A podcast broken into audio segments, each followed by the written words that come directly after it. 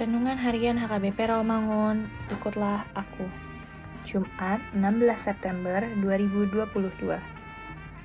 Dengan judul Keluarga Kristus. Bacaan pagi kita pada hari ini diambil dari Markus 12 ayat 41 sampai 44. Bacaan malam kita pada hari ini diambil dari 2 Raja-Raja 17 ayat 1 sampai 23.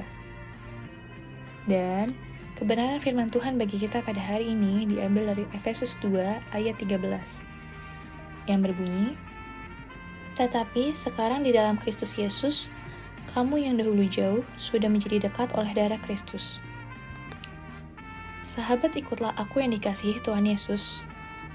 Paulus ingin mengingatkan seluruh anggota jemaat Efesus bahwa mereka adalah orang-orang percaya yang latar belakangnya bukan orang Yahudi.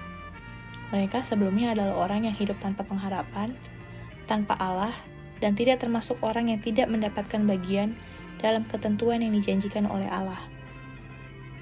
Di dalam Kristus dan hanya oleh darahnya, mereka yang dahulu disebut sebagai orang yang jauh atau mungkin juga disebut sebagai orang luar Yahudi, yang tidak akan mendapatkan jaminan janji dari keturunan Abraham, telah menjadi dekat. Sekarang, kita ada di dalam Kristus, bukan pendatang maupun orang asing, tetapi keluarga Allah.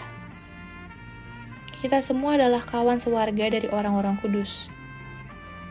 Sejak menerima Yesus sebagai Tuhan dan Juru Selamat, kita telah menerima pengampunan dosa kita semua adalah anggota keluarga Allah, dan persaudaraan kita di dalam Dia adalah sekarang sampai selama-lamanya.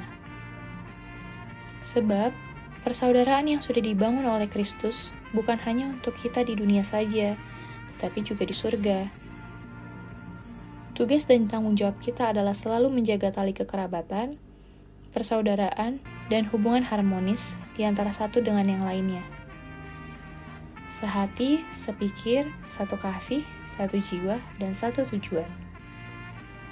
Semua pikiran, perasaan, dan perbuatan yang menyebabkan kita berseteru harus dijauhkan dan digantikan dengan pikiran, perasaan, dan perbuatan yang mendatangkan persekutuan, keakraban, dan satu sama lain dapat menikmati damai sejahtera Allah dengan sukacita.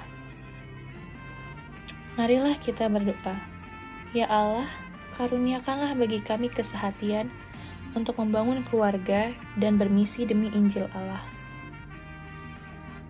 Amin.